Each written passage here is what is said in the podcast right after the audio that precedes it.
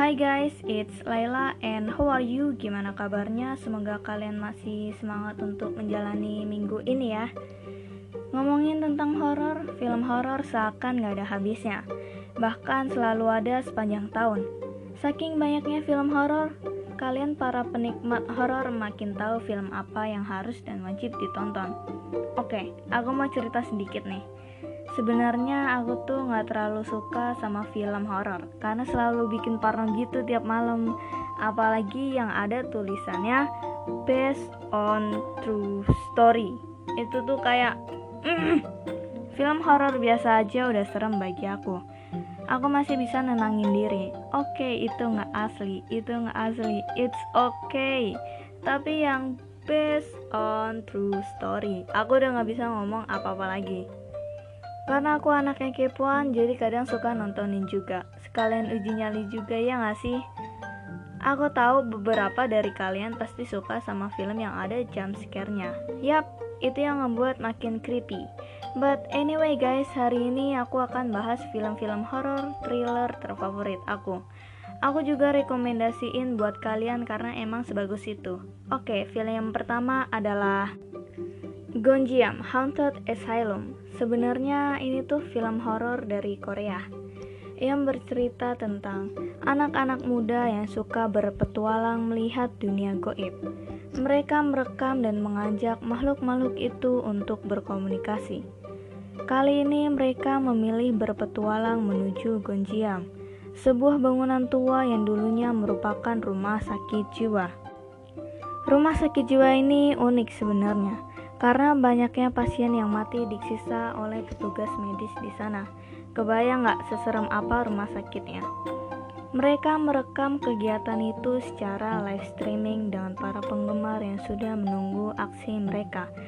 Awalnya masih biasa-biasa saja, namun pada satu momen di mana mulai muncul keanehan-keanehan yang tidak direncanakan, sehingga kondisi semakin mencekam ketika satu persatu anak muda ini terpisah. And bagian serunya tuh di sini aku sampai wow, wow. Dan plot twistnya tuh mwah, beautiful. Next ada The Conjuring.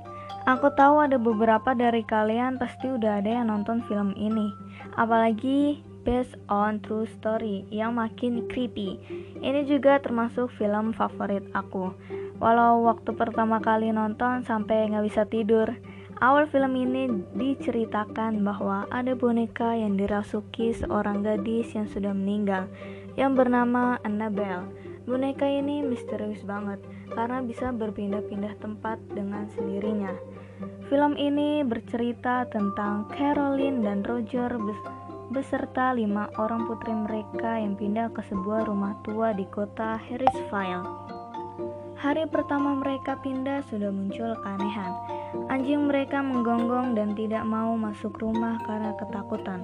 Hari kedua terjadi hal yang lebih aneh, yaitu di badan Caroline terdapat memar-memar dan anjing mereka sudah tergeletak mati. Setelah itu peristiwa aneh dan mengerikan terus bermunculan.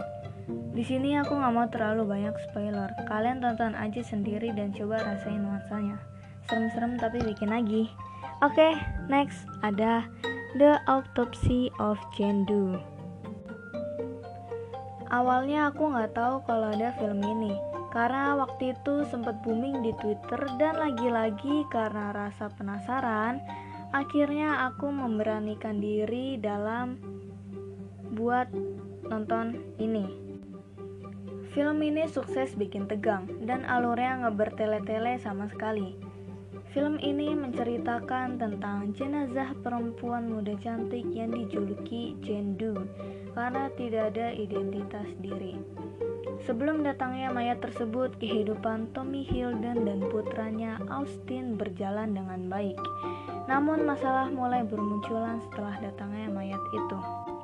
Bagi seorang koroner, mengungkapkan penyebab kematian mayat adalah hal yang biasa namun tampaknya tidak berlaku pada mayat Jendu ini. Banyak kejanggalan yang ditemukan Tommy dan Austin saat mulai mengatopsi mayat itu. Ketika mencoba menggali lebih dalam mengenai kebenaran di balik tewasnya Jendu ini, Tommy maupun Austin harus menghadapi berbagai macam peristiwa yang sulit dijelaskan oleh nalar. Pokoknya selama durasi film itu kita disuguhi adegan-adegan mencekam. Ada sedikit jam scare-nya juga. Aku saranin kalau kalian mau nonton ini jangan ajak keluarga ya. Next ada Us. Plot-plot dari film ini tuh cerdas banget. Beda dari film horor yang lain bengis, kasar, dan mengerikan. Yang digarap oleh Jordan Peele, dia juga menyutradarai film horror Get Out. Kalian pasti tahu dong filmnya. As menceritakan tentang sepasang suami istri yang bernama Adelaide dan Gabe Wilson yang membawa anak-anak mereka ke sebuah rumah di pesisir pantai. Mereka pergi dengan tujuan untuk bersenang-senang bersama temannya. Semua kesenangan mereka berubah menjadi ketegangan dan kekacauan. Beberapa pengunjung tak dikenal secara mengejutkan datang tanpa diundang ke kediaman mereka. Anehnya, sekelompok orang ini memiliki wajah yang sama persis dengan anggota keluarga Wilson. Kalau kalian suka sama film yang plot twist, ini sih film yang menurut aku paling wow dan siap-siap karena film ini memiliki ending yang mind blowing banget. Next ada A Quiet Place yang bergenre yang bergenre thriller horror menceritakan tentang di masa depan muncul monster misterius yang menyerang jika muncul suara. Monster ini tidak melihat dan jika muncul suara monster ini mengandalkan pendengarannya untuk memburu manusia. Sebuah keluarga beranggotakan empat orang harus menavigasi kehidupan mereka dalam keheningan dari makhluk misterius ini yang mengancam kelangsungan hidup mereka. Film ini pasti bakal ngebuat kalian tegang. Bahkan aku aja sampai nggak main HP sama sekali. Karena saking heningnya jadi semakin mencekam. Ide film cerita ini emang pantas dan cungin jempol keren deh pokoknya next ada film The Exorcist ini adalah film dari tahun 1973 Film ini terinspirasi oleh kisah nyata Exorcism atau Rukiah, pengusiran setan. Cerita ini dimulai di Washington, di mana Chris adalah aktris dan ibu muda yang baru bercerai dan tinggal bersama putrinya yang bernama Regen. Suatu hari, Chris mulai menyadari adanya perubahan pada perilaku putri tunggalnya. Regen yang tadinya ceria dan baik dan baik hati tiba-tiba menunjukkan gejala yang tidak biasa. Awalnya, Regen diduga mengalami gangguan psikis akibat perceraian orang tuanya. Regen mengeluh tempat tidurnya bergetar namun kondisinya ini semakin memburuk. Wajah dan suara Richen berubah. Kekuatan berkali-kali lipat seolah ada yang merasukinya. Dengan nuansa yang klasik dan latar film asli belakangnya, film ini tuh jadi film paling seram sepanjang masa.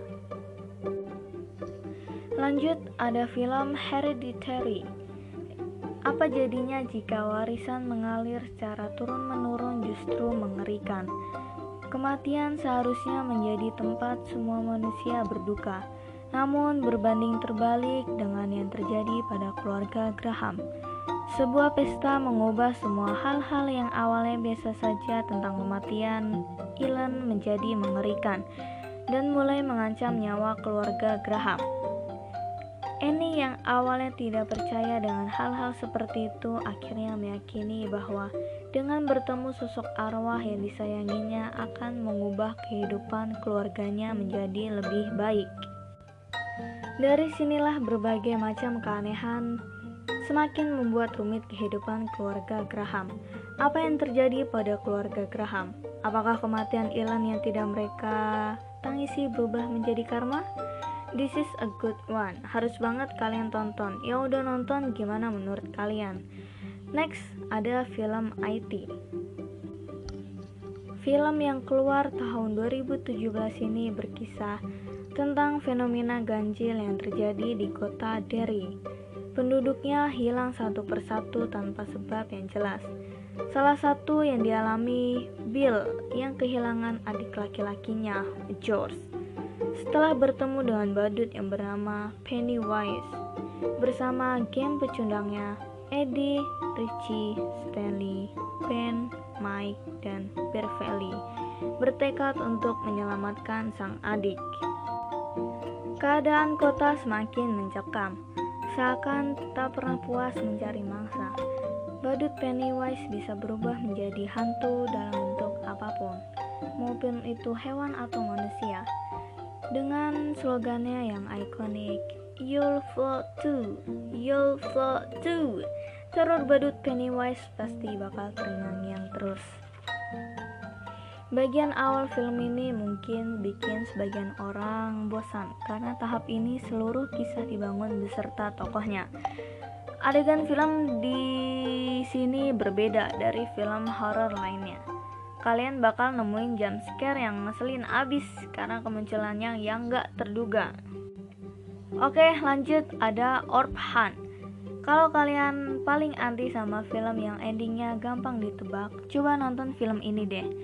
Meskipun film lama tapi masih seru untuk ditonton. And a day And here they are, Orpham. Kisah berawal ketika Kate, seorang ibu beranak dua, mengalami depresi dan sering kali bermimpi buruk karena anak ketiganya meninggal sebelum dilahirkan. Akhirnya dia membuat keputusan untuk mengadopsi seorang anak dari panti asuhan yang bernama Esther yang berumur 9 tahun. Dia mengalami hipopituitarisme kelainan hormon langka yang menghambat dua dwarfisme proporsional dan itulah menghabiskan sebagian besar hidupnya dengan berpura-pura sebagai gadis kecil. Setelah kedatangannya, keluarga harmonis yang bahagia itu perlahan-lahan mulai diliputi masalah. Ide film ini sebenarnya klasik, tentang seorang yang baru dikenal dan ternyata dia adalah seorang pembunuh berdarah dingin. Terus ending cerita ini nih sangat menggantung menurutku. Mungkin tujuannya biar bikin orang penasaran. Cuman kayaknya pemotongannya nggak pas jadi kesannya malah nggak selesai. Overall film ini cukup menegangkan dan bisa bikin aku jerit-jerit sendirian. Next ada Ready or Not menceritakan tentang mimpi buruk seorang pengantin wanita usai acara pernikahannya. Bermula ketika Grace berbahagia karena menikah dengan pasangannya, Alex. Usai pesta pernikahannya, Grace bergabung keluarga besar suami barunya dan nyentrik itu. Bagi Grace, pernikahan tersebut merupakan sebuah kebahagiaan yang tak terkira. Ia akhirnya menikahi pria impiannya dengan bonus hidup di tengah keluarga berkeliling harta. Belum lagi sambutan dari keluarga yang dianggap Grace begitu hangat. Namun, Grace hanya mengetahui Alex merupakan seorang anak laki-laki yang terlahir dari keluarga kaya raya. Ia tidak mengetahui lebih lanjut mengenai tradisi atau kebahagiaan dari keluarga Lidomas. Kebahagiaan pernikahan itu hanya sesaat. Pada malam harinya, usai resepsi, Grace resmi bergabung sebagai anggota keluarga Lidomas dan ikut makan malam bersama mereka.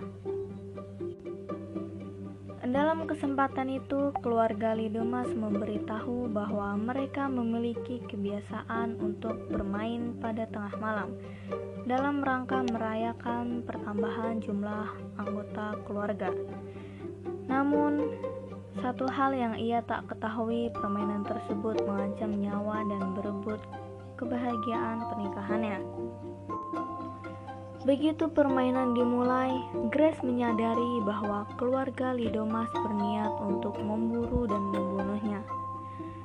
Ia menganggap perburuan sepihak ini sebagai bantaian, dengan semua orang berusaha bertahan hidup. Siapa yang bisa menolong Grace? Alex, sang suami, uh, entahlah film ini enggak memfokuskan pada twist atau permainan mengerikan itu Tapi semua difokuskan pada bagaimana kalian melihat kegilaan dari dua sisi yang berbeda. But anyway guys, itu dia film-film rekomendasi dari aku. Gimana menurut kalian? Mungkin kalian udah ada beberapa yang nonton. Yang udah tadi aku sebutin. Oke, okay, see you. Bye bye. Tunggu aku di episode selanjutnya ya. Mwah.